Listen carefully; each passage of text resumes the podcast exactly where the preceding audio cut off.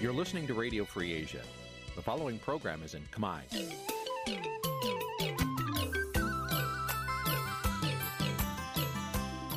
នេះជាកម្មវិធីផ្សាយ Vuthu Azizi Serai នេះជាកម្មវិធីផ្សាយរបស់ Vuthu Azizi Serai ជាភាសាខ្មែរ Vuthu Azizi Serai សូមស្វាគមន៍លោកអ្នកនាងទាំងអស់ពីរដ្ឋធានី Washington នៃសហរដ្ឋអាមេរិក បាទប្រធានាទីវ៉ាស៊ីនតោនខ្ញុំបាទទីនសាករិយាសូមជម្រាបសួរលោកអ្នកកញ្ញាទាំងអស់ជាទីមេត្រី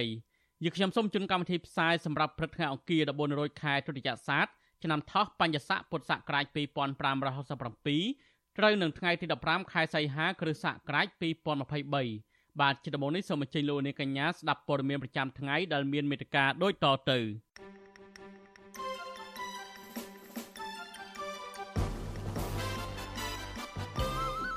សហគមន៍បារម្ភបាត់ព្រៃកោងកាងក្រោយពីរដ្ឋាភិបាលកាត់ជ្រៀលដែនចម្រុះសត្វព្រៃពៀមក្រសោបជិត7000ហិកតាសហគមន៍ថាការពង្រីកផ្ទៃដីនៅតំបន់ការពារធម្មជាតិមិនអាចជួយការពារការកាប់បំផ្លាញព្រៃឈើបានទេសង្គមស៊ីវិលជំរុញឲ្យធនាគាររៀបចំកម្ចីឡើងវិញដោយសារតែបរដ្ឋជួបបញ្ហាបាត់បង់ប្រាក់ចំណូលធ្ងន់ធ្ងរ ជ្រៅនៅខេត្តបាត់ដំបងរាប់ពាន់ហិកតាងាប់ដោយសារតែខ្វះទឹកនៅរដូវវស្សារួមនឹងព័ត៌មានសំខាន់សំខាន់មួយចំនួនទៀតបាទលោកនាយទីមិត្តរីជាបន្តទៅទៀតនេះខ្ញុំបាទធីនសាការីយ៉ាសូមជូនព័ត៌មានពុស្ដាសកម្មជនការពារបរិស្ថាននិងប្រជាសហគមន៍នេសាទនៅខេត្តកោះកុងបានបញ្ចេញប្រតិកម្មទៅនឹងទង្វើរបស់រដ្ឋាភិបាលដែលបានកាត់ជ្រៀលដែនចម្រុះសត្វព្រៃពៀមក្រសោបជិត7000ហិកតាដោយស្ងាត់ស្ងាត់និងមិនបានបង្ហាញមូលហេតុឲ្យបានច្បាស់លាស់ ពួកគាត់បារម្ភពីជោគវាសនាព្រៃកោងកាងធំជាងគេនៅក្នុងប្រទេសកម្ពុជាដែលនឹងអាចប្រឈមនឹងការកាប់បំផ្លាញជាទ្រង់ទ្រាយធំនៅពេលខាងមុខបាទប្រធានីវ៉ាស៊ីនតោនលោកជីវិតារីកាព័រមាននេះដែនជំរកសត្វព្រៃពៀមក្រសោបដែលជាបណ្ដុំព្រៃកោងកាងទឹកប្រៃក្រាស់ខ្មឹកនិងធំល្វឹងល្វើយដាច់កន្ទុយភ្នែកអមទៅដោយដងព្រែកទឹកប្រៃខ្វាត់ខ្វែងរំលេចទេសភាពស្រស់បំព្រងគួរជាទីតាក់ចិត្តភ្ញៀវទេសចរនោះកំពុងប្រឈមហានិភ័យខ្ពស់ សកម្មជនការពារបរិស្ថាននិងប្រជាសហគមន៍បារម្ភថាព្រៃកោងកាងនឹងប្រឈមការកាប់បំផ្លាញដោយសារលោកនាយករដ្ឋមន្ត្រីហ៊ុនសែនបានសញ្ញេពុះជ្រៀកដែនជំរកសត្វព្រៃមួយនេះរហូតដល់ជិត7000ហិកតាទៀតដោយគ្មានការផ្សព្វផ្សាយឲ្យទូលំទូលាយកាលពីថ្ងៃទី17កក្កដាកន្លងទៅរដ្ឋាភិបាលបានសម្រេចកែប្រែដែនជំរកសត្វព្រៃពៀមក្រសោបទំហំជាង23000ហិកតា ថយមកនៅជិត16000ហិកតាវិញប្រជាសហគមន៍នេសាទរស់នៅខេត្តកោះកុងលោកស្រីហៀបអ៊ូប្រាប់វិទ្យុអាស៊ីសេរីថាលោកស្រីភ្ញាក់ផ្អើលនៅពេលទទួលដំណឹងនេះព្រោះការកាត់ជ្រៀលនេះហាក់ធ្វើឡើងដោយលាក់កំបាំងលោកស្រីបារម្ភថាព្រៃកោងកាងជាច្រើនពាន់ហិកតានឹងទទួលរងការកាប់បំផ្លាញបន្ថែមទៀតដោយក្រុមហ៊ុនឯកជន និងក្រុមអ្នកមានអំណាចបន្ទាប់ពីរដ្ឋាភិបាលកាត់ជ្រៀលតំបន់នោះរឿងថាព្រួយខ្ញុំព្រួយខ្លាំងណាស់ព្រោះព្រួយអ្នកអត់អ្នកណាបានគេរស់ស៊ីឬគូគេអត់បញ្ហាទេតែពេលអ្នកណាអត់រស់ស៊ីខាងគង់កាងអញ្ចឹងបើសិនថាគេយកអស់អញ្ចឹងដឹងអត់ទេនេះដឹងទៅរស់ស្អីទេខ្លះនៃរងងាវណារកក្តាមខ្លះនិយាយរួមមកចម្រោះធម្មជាតិគ្រប់យ៉ាងរបាយការណ៍រដ្ឋបាលខេត្តកោះកុងចុះផ្សាយថាដែនជំរកសត្វព្រៃពៀមក្រសោបជាជំរកព្រៃកោងកាងច្រើនប្រភេទ ដែលប្រជានេសាទ10000នាក់កំពុងរស់នៅដោយផ្ទាល់និងអាស្រ័យផលនេសាទក្នុងដែននេះ។រីឯសេដ្ឋកិច្ចក្នុងតំបន់ត្រូវពឹងផ្អែកទាំងស្រុងលើព្រៃកោងកាង ដែលជាតួអង្គស្នូលនៃប្រព័ន្ធអេកូឡូស៊ីរួមមានត្រី ក្តាម បង្គាខ្យងងាវគ្រំជាដើមឆ្លើយតបការលើកឡើងនេះអភិបាលខេត្តកោះកុងអ្នកស្រីមិថុនាភូថងមានប្រសាសន៍យ៉ាងខ្លីនៅថ្ងៃទី14សីហាថា ការកាត់ជ្រៀលនេះដោយសារមានលំនៅឋានពលរដ្ឋជាច្រើនខ្នង ដែលតាំងទីលំនៅក្នុងតំបន់នោះជាយូរមកហើយអ្នកស្រីបញ្ជាក់អះអាងថា ការកាត់ជ្រៀលនេះពុំមែនសម្រាប់វិនិយោគឲ្យវិស័យឯកជននោះទេ គឺជ្រៀលដីជូនពលរដ្ឋដែលរស់នៅទីនោះជាយូរមកហើយអង្គមន្ទីរបរិស្ថានខេត្តហើយជាមួយមន្ទីរកសិកម្មធ្វើការងារតាមវិស័យដើម្បីថែតាចា ហើយជាមួយនឹងច្បាប់ហើយនឹងការផ្សព្វផ្សាយជូនបងប្អូនប្រជាពលរដ្ឋឲ្យយល់អំពីច្បាប់ហើយនឹងការចូលរួមអភិរក្សទាំងអស់គ្នាចាពួកប្រជាពលរដ្ឋដែលរស់នៅយូរហើយខ្ញុំកំពុងតែឆែកទោះជាយ៉ាងណា សកម្មជនចលនាមេដាធម្មជាតិលោកលីច័ន្ទដារាវុធយល់ឃើញថាព្រៃកោងកាងគួរតែទទួលបានការការពារឲ្យមានប្រសិទ្ធភាពព្រោះវាមានប្រយោជន៍ពីទេសភាព ដើម្បីទាក់ទាញភ្ញៀវទេសចរផ្ដល់ប្រាក់ចំណូលដល់អ្នកនេសាទលោកបារម្ភថាការកាត់ជ្រៀលនេះ គឺជាឱកាសកាប់ទន្ទ្រានព្រៃកោងកាងបន្ថែមទៀតដើម្បីយកដីធ្វើជាកម្មសិទ្ធិនៅផ្នែកខាងមុខដោយក្រុមអ្នកមានលុយមានអំណាច ខ្ញុំយល់ថារដ្ឋាភិបាលគួរតែសម្រេចចិត្តឡើងវិញហើយគួរតែលុបចោលនៅអនុក្រឹត្យដែរកាត់ជ្រៀលចេញនៅតំបន់ពីមកសោបនិងពុទ្ធតំបន់ហ្នឹងវាសំខាន់ណាស់វាផ្ដល់កន្លែងចម្រោកឲ្យត្រីពងវាជាសេដ្ឋកិច្ចដែលចិញ្ចឹមពលរដ្ឋខ្មែរជាច្រើនជំនាន់មកហើយវាជាទេសភាពដែលអាចទាក់ទាញភ្ញៀវទេសចរឲ្យជិះទូកលេងកម្សាន្តហើយផ្ដល់ចំណូលទៅដល់ប្រជាពលរដ្ឋមូលដ្ឋានដែលក៏រត់ទូកហើយសំខាន់ទី3ក៏វាទប់ខ្យល់ដែរវាទប់ខ្យល់វាទប់វាអាចទប់មកកម្រិតកុំឲ្យឡើងហួសហេតុពេកដែលធ្វើឲ្យជនលិចតំបន់ក្បែរៗហ្នឹងអញ្ចឹង អនុក្រឹត្យដែលចុះហត្ថលេខាដោយលោកនាយករដ្ឋមន្ត្រីហ៊ុនសែនសរសេរថាមូលហេតុដែលរដ្ឋាភិបាលកាត់ជ្រៀលនេះគឺក្នុងបំណងគ្រប់គ្រងដល់ការអភិវឌ្ឍសេដ្ឋកិច្ចសហគមន៍មូលដ្ឋាន ដើម្បីរួមចំណាយគាំពៀបរិស្ថាននិងជីវៈចម្រុះវិទ្យុអាស៊ីសេរីមិនទាន់អាចតាក់ទងសុំការបំភ្លឺរឿងនេះពីអ្នកនាំពាក្យក្រសួងបរិស្ថានលោកនេតភក្ត្រាបាននៅឡើយទេនៅថ្ងៃទី14សីហាជុំវិញរឿងនេះដែរសកម្មជនការពារបរិស្ថានលោកសាន់ម៉ាឡាយល់ថា ដែនជម្រកសត្វព្រៃពីមក្រសោបរដ្ឋាភិបាលគួរតែទាញផលប្រយោជន៍ផ្នែកសេដ្ឋកិច្ចតាមរយៈវិស័យទេសចរធម្មជាតិដោយសារទីនោះមានសក្តានុពលធម្មជាតិសម្បូរបែបអំណោយផលល្អប្រសើរសម្រាប់ភ្ញៀវទេសចរ ហេតុនេះគួរតែត្រូវបានរដ្ឋាភិបាលនឹងទាញយកផ្នែកសេដ្ឋកិច្ចតាមរយៈការវិវត្តទៅជាទេសចរធម្មជាតិដោយសារវាមានសក្តានុពលវាមានលទ្ធភាពនៅក្នុងការទាក់ទាញភ្ញៀវទេសចរបរទេសឲ្យមកលេងកម្សាន្តដែនជម្រកសត្វព្រៃពីមក្រសោបមានទំហំជាង23000ហិកតា ស្ថិតក្នុងស្រុកមណ្ឌលសីមាខេត្តកោះកុងត្រូវបានចុះបញ្ជីជាតំបន់អភិរក្សកាលពីឆ្នាំ1993 ដែនអភិរក្សនេះសម្បូរប្រជុំកោះតូចធំ និងព្រែកទឹកប្រៃខ្វាត់ខ្វែង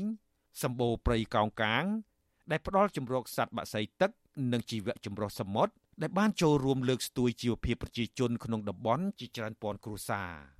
ប្រជាសហគមន៍សង្កេតឃើញថាព្រៃកោងកាងនៅអមសងខាងផ្លូវក្នុងដែនអភិរក្សនេះបានទទួលរងការកាប់បំផ្លាញដើម្បីយកដីធ្វើជាកម្មសិទ្ធិអស់ជាច្រើនរយហិកតា នៅរយៈពេលជិត10ឆ្នាំកន្លងទៅនេះ។ ខ្ញុំជីវិតាអាស៊ីសេរីបាទលោកនាយកទីមេត្រីតកតងនឹងការពង្រីកផ្ទៃដីដើម្បីអភិរក្សវិញប្រជាសហគមន៍គ្មានជំនឿថាការពង្រីកផ្ទៃដីព្រៃដើម្បីអភិរក្សមិនអាចរក្សាព្រៃឈើឲ្យបានគង់វង្សនោះឡើយក្រោយពីដីព្រៃច្រើនហិកតារងការកាប់បំផ្លាញការលើកឡើងនេះគឺនៅបន្ទាប់ពីមន្ត្រីជាន់ខ្ពស់ក្រសួងបរិស្ថានថ្លែងថាការពង្រីកទំហំផ្ទៃដីតំបន់ការពារធម្មជាតិនឹងជួយការពារការកាប់ទន្ទ្រានយកដីខុសច្បាប់ បាទប្រធានាធិបតីវ៉ាស៊ីនតោនលោកលេីម៉ាលីរាយការណ៍ព័ត៌មាននេះប្រជាសហគមន៍និយាយថាព្រៃឈើភាគច្រើនត្រូវបានរដ្ឋាភិបាលលោកហ៊ុនសែនកាត់ជ្រៀលនិងចេញអនុក្រឹត្យប្រគល់ទៅឲ្យក្រុមហ៊ុនឯកជនដែលស្និទ្ធនឹងគ្រួសារលោកហ៊ុនសែនយកទៅធ្វើជាសម្បត្តិឯកជនពួកគាត់អះអាងថាដែនជំរកសត្វព្រៃនិងតំបន់ឧទ្យានដែលរដ្ឋាភិបាលពង្រីកបន្ថែមនោះបច្ចុប្បន្ននៅសល់តែឈ្មោះប៉ុន្តែគ្មានព្រៃឈើទេអ្នកសម្របសម្រួលសហគមន៍ព្រៃឡង់ខេត្តព្រះវិហារ លោកស្រីថៃប្រាប់វិទ្យុអស៊ីសេរីនៅថ្ងៃទី14សីហាថាផ្ទៃដីនៅដែនជំរកសត្វព្រៃបឹងពែគ្មានផ្ទៃដីឲ្យមន្ត្រីបរិស្ថានពង្រីកទៀតនោះទេហើយប្រសិនបើពង្រីកផ្ទៃដីមានតែប៉ះពាល់លើដីចម្ការរបស់ប្រជាសហគមន៍លោកបន្តថាដីព្រៃនៅដែនជំរកសត្វព្រៃបឹងពែបច្ចុប្បន្នគ្មានព្រៃឈើនោះទេពីព្រោះក្រុមឈ្មួញនិងអ្នកមានអំណាចកាប់ទន្ទ្រានអស់ហើយ ដូច្នេះមន្ត្រីបរិស្ថាន គួរតែពង្រឹងការអនុវត្តច្បាប់ដើម្បីការពារព្រៃឈើដែលនៅសេសសល់វិញល្អជាង ហើយបង្ខិតស្ថាប័នដែរប៉ុន្តែនឹងមិនទេព្រៃកាន់តែអស់ចេះហើយរដ្ឋាភិបាលទៅពន្រិចដីណាបំពេញប្រទេសណាទៀតអត់មានដីណាទៀតទេអស់ហើយគាត់តែការពារតែអាទេសសល់ចុងក្រោយនេះការពារមិនបានផងទៅពន្រិចណាទៀតហើយមានតែហាមគាត់ដូចក្រុមរបបព្រៃអីហាមមិនអុយគាត់ជួព្រៃការពារអីហើយតែពន្រិចយ៉ាងណាបើធ្វើចេះគឺអត់ធំស្របទេហើយមិនមិនទាន់ឃើញថាធំថយទេរឿងកាប់បំផ្លាញព្រៃហើយក្រុមហ៊ុនក៏អត់មានការចូលកាត់ច្រើនដែរខ្លះដីសម្បត្តិសេដ្ឋកិច្ចពិសេសអាសម្បត្តិសេដ្ឋកិច្ចហ្នឹងឯងដែលកាប់ព្រៃខ្លាំងជាងគេ កាលពីខែកក្កដារដ្ឋាភិបាលឯកបៈរបស់លោកហ៊ុនសែនបានចេញអនុក្រឹត្យកែប្រែផ្ទៃដីដែនជម្រកសត្វព្រៃចំនួន3នៅតំបន់ផ្សេងគ្នាជាង20000ហិកតាក្នុងនោះតំបន់អភិរក្សរួមមានជម្រកសត្វព្រៃភ្នំសំកុសជម្រកសត្វព្រៃគូលែនព្រហ្មទេពនិងដែនជម្រកសត្វព្រៃបឹងពែដោយឡែកសកម្មជនចលនាមេដាធម្មជាតិលោកថនរដ្ឋាកត់សម្គាល់ថា តំបន់ដែលរដ្ឋាភិបាលពង្រីកផ្ទៃដីនោះភាគច្រើនពុំសូវមានភាពទាក់ទាញភ្ញៀវទេសចរទេដោយសារតែធនធានធម្មជាតិត្រូវបានកាប់បំផ្លាញនិងអាជ្ញាធររដ្ឋបិទយុវជនមិនអោយសិក្សាពីធនធានធម្មជាតិលោកបន្តថាបញ្ហានេះហាក់មានភាពមិនប្រក្រតីដែលតំបន់មួយចំនួន បានពង្រីកទំហំដីទាំងគ្មានធនធានធម្មជាតិសម្រាប់ការពារប៉ុន្តែនៅតំបន់មួយចំនួន ដូចជាឧទ្យានជាតិបទុមសាគរដែលមានធនធានធម្មជាតិបែរជារដ្ឋាភិបាលបង្រួមផ្ទៃដីទៅវិញ។ ឃើញជាក់ស្ដែងតំបន់ដែលមានសក្តានុពលធនធានជាតិជាពិសេសព្រៃឡង់ហ្នឹងក្រសួងបរិស្ថានបែរជាត្រូវការឲ្យមានការសុំច្បាប់អនុញ្ញាតមុនចូលល្បាតព្រៃសូម្បីតែសហគមន៍មូលដ្ឋានដែលពីមុនអាចទៅចូលល្បាតព្រៃឈើដោយសេរីដើម្បីប្រមូលព័ត៌មានពីការកាប់បំផ្លាញដើម្បីប្រមូលព័ត៌មានអំពីការការពារជាក់ស្ដែងរបស់ក្រសួងបរិស្ថានឯនឹងជាដើមហ្នឹងបែរជាត្រូវបានហាមឃាត់ឲ្យតំបន់មួយចំនួនទៀតណាពេលដែលយុវជនសកម្មជននាំគ្នាច្រើនទៅល្បាតព្រៃឈើបែរជាត្រូវមានការហាមឃាត់ពីសំណាក់អាជ្ញាធរជាងនេះទៅទៀតនៅមានតំបន់ឧទ្យានជាតិមួយចំនួន ដែលរដ្ឋាភិបាលបានពង្រួមផ្ទៃដីដើម្បីកាត់ជ្រៀលទៅឲ្យអ្នកមានអំណាចនិងមន្ត្រីក្រាក់ក្រាក់ដែលស្និទ្ធនឹងគ្រួសារលោកហ៊ុនសែនតំបន់ឧទ្យានជាតិទាំងនោះរួមមានតំបន់ឧទ្យានបុទុមសាគរត្រូវបានកាត់ផ្ទៃដីចេញពីជាង170,000ហិកតាមកសល់ជាង144,000ហិកតាឧទ្យានជាតិកែបពី5,000ហិកតាមកសល់ត្រឹមជាង1,000ហិកតា ឧទ្យានជាតិព្រះមនីវងបូកគោឧទ្យានជាតិព្រះសរាមរិទ្ធកុសមៈគិរីរំឧទ្យានជាតិវឿនសៃសៀមប៉ាង និងតំបន់ការពារធម្មជាតិពីមក្រសោបជាដើមប្រតិកម្មរបស់អ្នកស្រឡាញ់បរិស្ថាននេះគឺបន្ទាប់ពីអ្នកនាំពាក្យក្រសួងបរិស្ថាន លោកនេតភត្រាកាលពីថ្ងៃទី11សីហាថ្លែងប្រាប់កាសែតដែលស្និទ្ធនឹងរដ្ឋាភិបាលលោកហ៊ុនសែនថាការពង្រីកទំហំដីព្រៃតំបន់ការពារ មិនធ្វើឲ្យប៉ះពាល់ដល់ដីរបស់ពលរដ្ឋនោះទេប៉ុន្តែអាចជួយឲ្យរដ្ឋាភិបាលងាយស្រួលគ្រប់គ្រង និងដឹងពីទិន្នន័យផ្ទៃដីសរុបច្បាស់លាស់ ចឹងតំបន់មួយចំនួនគឺយើងមិនបានចូលទៅដល់ទេព្រោះវានៅមានសង្គ្រាមនៅឡើយអញ្ចឹងក្រោមសុខសន្តិភាពនេះគឺយើងបានពិនិត្យឡើងវិញទៅលើផ្ទៃដីហើយក៏បានរៀបចំ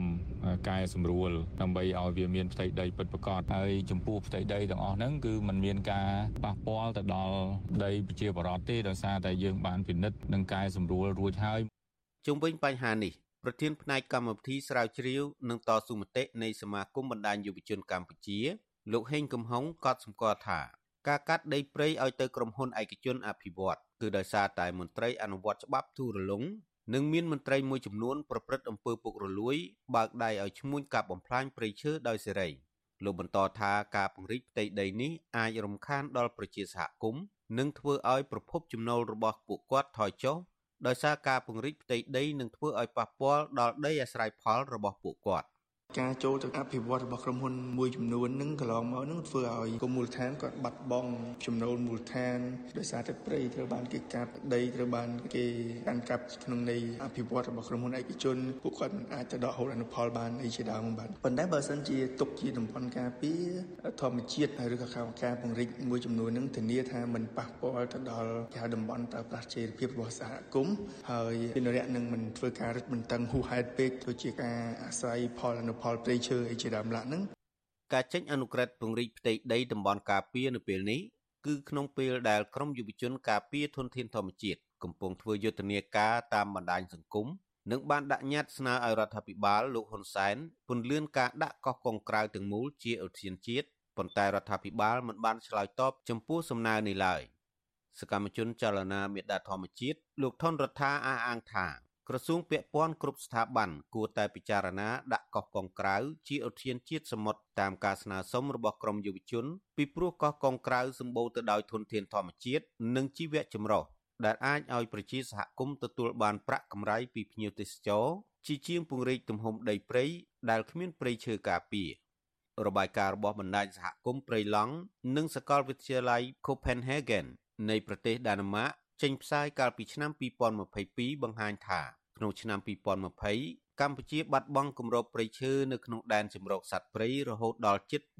48000ហិកតា ក្នុងនោះដែនជម្រកសត្វព្រៃឡង់ព្រៃព្រះរកា និងព្រៃសង់រុក្ខវ័នរងការបំផ្លិចបំផ្លាញច្រើនជាងគេ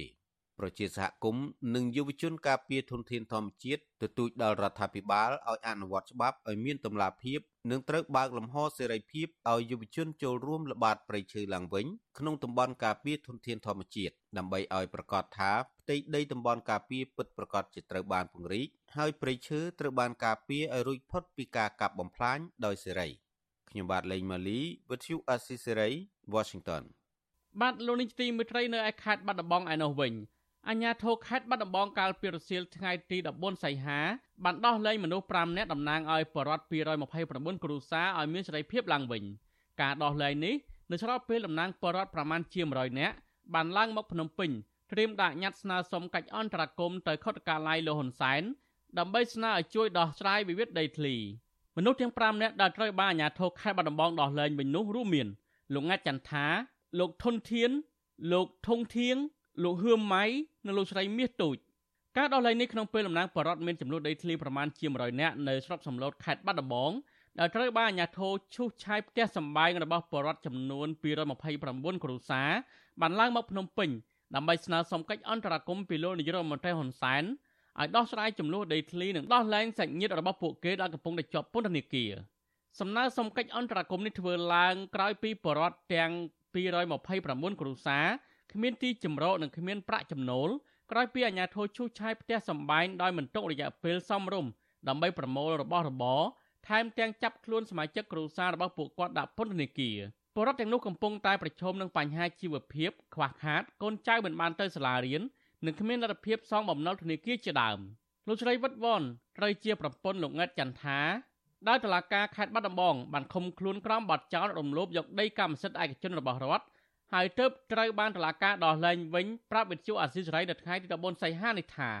លោកស្រីនិងបរិវត្តដតីទៀតកំពុងតែរៀបចំពាក្យស្នើសុំកិច្ចអន្តរាគមន៍ពីប្រមុខរដ្ឋាភិបាលដើម្បីស្វែងរកដំណោះស្រាយវិវាទដីធ្លីលោកស្រីបន្តថា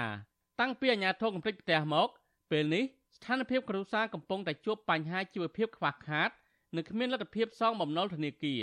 ក្នុងពេលលោកស្រីមានកូននៅក្នុងបន្ទុករហូតដល់ទៅ8នាក់ ពួកខ្ញុំទុកលំបាកវាធ្ងន់ធ្ងរណាស់លោកពូទៅខ្ញុំទ្រាំលែងបានខ្ញុំបាច់ចិត្តឡើងមកពីក្រុងភ្នំពេញដើម្បីរកកិច្ចអន្តរាគមន៍សុំសម្ដេចតេជោឲ្យដោះស្រាយឲ្យជួយរកយុត្តិធម៌ហ្នឹងដោយសារផលលំបាកទី1គឺខ្ញុំហ្នឹងពីដើមឡើយឲ្យមានជំរករស់នៅដល់ពេលឥឡូវត្រូវគេវិកំតិចដល់ពេលអញ្ចឹងអត់មានជំរករស់នៅប្រហាក់ប្រហែលគ្នាដែរបរិមម្នាក់ទៀតលោកស្រីមាសរស្មីត្រូវជាប្រពន្ធលោកធុនធានដែលអាជ្ញាធរខេត្តបាត់ដំបងទើបដោះលែងដែរនោះប្រាប់វិទ្យុអាស៊ីសេរីថា ចាប់តាំងពីថ្ងៃអាជ្ញាធរខាត់ខ្លួនប្តីនិងឈូសកំទេចផ្ទះមកលោកស្រីមិនបានប្រមូលរបស់របរអ្វីជាប់ខ្លួននោះទេ ហើយសប្តាហ៍ថ្ងៃលោកស្រីស៊ីឈ្នួលគេកាច់ពោតដើម្បីបានប្រាក់តិចតួចចិញ្ចឹមជីវិតខាងហ្នឹងមានគ្រួសារខ្លះមួយចំនួនដែលគាត់ចេញមកអត់ទាន់ផុតអញ្ចឹងគាត់សុំដីគេក្បែរហ្នឹងនៅអញ្ចឹងហើយក៏អាជ្ញាធរអត់ឲ្យនៅទេទូនៅក្បែរហ្នឹងក៏ឲ្យនៅដែរដេញចេញទាំងអស់តែ បើចំពោះខ្ញុំផ្ទាល់ខ្ញុំអត់បានចូលទៅទេព្រោះអីតាំងពីនឹងមកខ្ញុំសំបីឲ្យផ្ទះខ្ញុំដែលរុះរើខ្ញុំអត់មានបានអីសោះអត់បានចូលទៅព្រោះអីថ្ងៃដែលគេចាប់ប្តីខ្ញុំទៅខ្ញុំមកតាមនៅ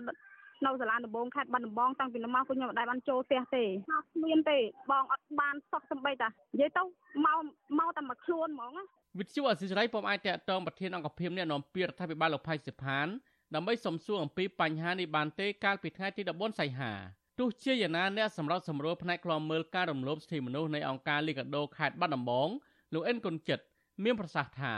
អញ្ញាធិខេត្តបាត់ដំបងគួរតែដោះស្រាយបញ្ហាវិវាទដីធ្លីបរដ្ឋ229គ្រួសារនេះតាមសំណើរបស់ពួកគាត់ ដើម្បីឲ្យពួកគាត់មានលទ្ធភាពប្រកបរបរចិញ្ចឹមជីវិត។យើងបានឃើញក្រសួងរៀបចំដែនដីនគររូបនីយកម្មបានធ្វើលិខិតមួយបញ្ជូនឲ្យអាជ្ញាធរខេត្តបាត់ដំបងនឹងគឺដោះស្រាយសំណើពួកគាត់ដែលបានសុំគ្រប់គ្រងដីទំហំ552ហិកតាសម្រាប់ពួកគាត់អាស្រ័យផលមានចំនួន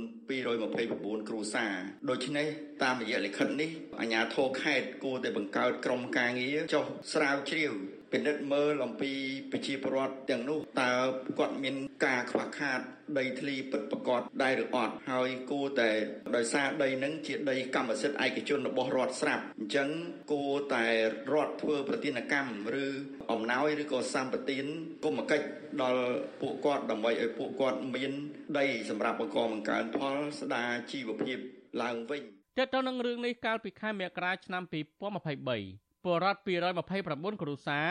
នៅឃុំតាតោកស្រុកសំឡូតខេត្តបាត់ដំបងបានដាក់លិខិតស្នើសុំកិច្ចអន្តរាគមន៍ទៅខុទ្ទកាល័យនាយរដ្ឋមន្ត្រីដើម្បីសុំឲ្យដោះស្រាយបញ្ហាដីធ្លីដែលពួកគាត់អាស្រ័យផលតាំងពីឆ្នាំ1593មកដែលមានការទទួលស្គាល់ដោយមេឃុំតតោកចាស់គឺលោកឡុងកាន់ចំនួនផ្ទៃដី552ហិកតា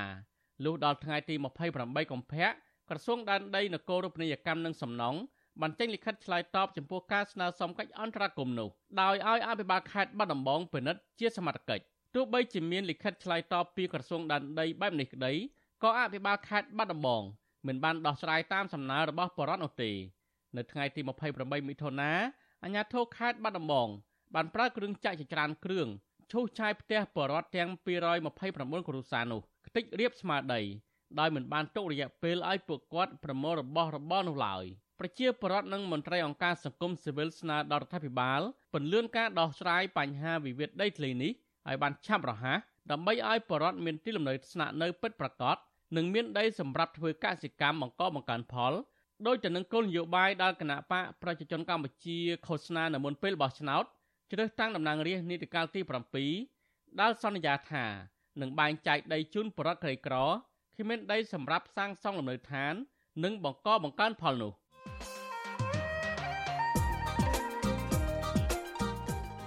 លោកអ្នកនាងជាទីមេត្រីលោកនាយរដ្ឋមន្ត្រីហ៊ុនសែនបានរៀបចំគណៈរដ្ឋមន្ត្រីបន្តពូជមួយឲ្យកូនប្រុសរបស់លោកគ្រប់គ្រងបន្តពីលោកលោកបានចាត់ចែងឲ្យមន្ត្រីចាស់ចាស់បានទៅកាន់តំណែងនៅក្នុងស្ថាប័ននីតិបញ្ញត្តិឬបន្តស្ថិតនៅក្នុងតួនាទីដែលពួកគេធ្លាប់មានដូចជារដ្ឋលេខាធិការឬអនុរដ្ឋលេខាធិការជាដើមរីឯអ្នកនយោបាយដែលរណបនឹងលោកវិញលោកបន្តទុកឲ្យពួកគេបានដេកស៊ីលុយជាតិមួយអាណត្តិថែមទៀត តើការធ្វើបែបនេះមានផលចំណេញសម្រាប់ជាតិដែរឬទេឬមួយក៏ជាការបង្ហិនធនធានជាតិបន្ថែមទៀតបាទនេះគឺជាប្រធានបទនៃវេទិកាអ្នកស្ដាប់វិទ្យុអាស៊ីសេរីនៅយប់ថ្ងៃអង្គារទី15ខែសីហានេះបាទប្រសិនបើលោកអ្នកនាងមានសំណួរចង់សួរវាគ្មិនរបស់យើង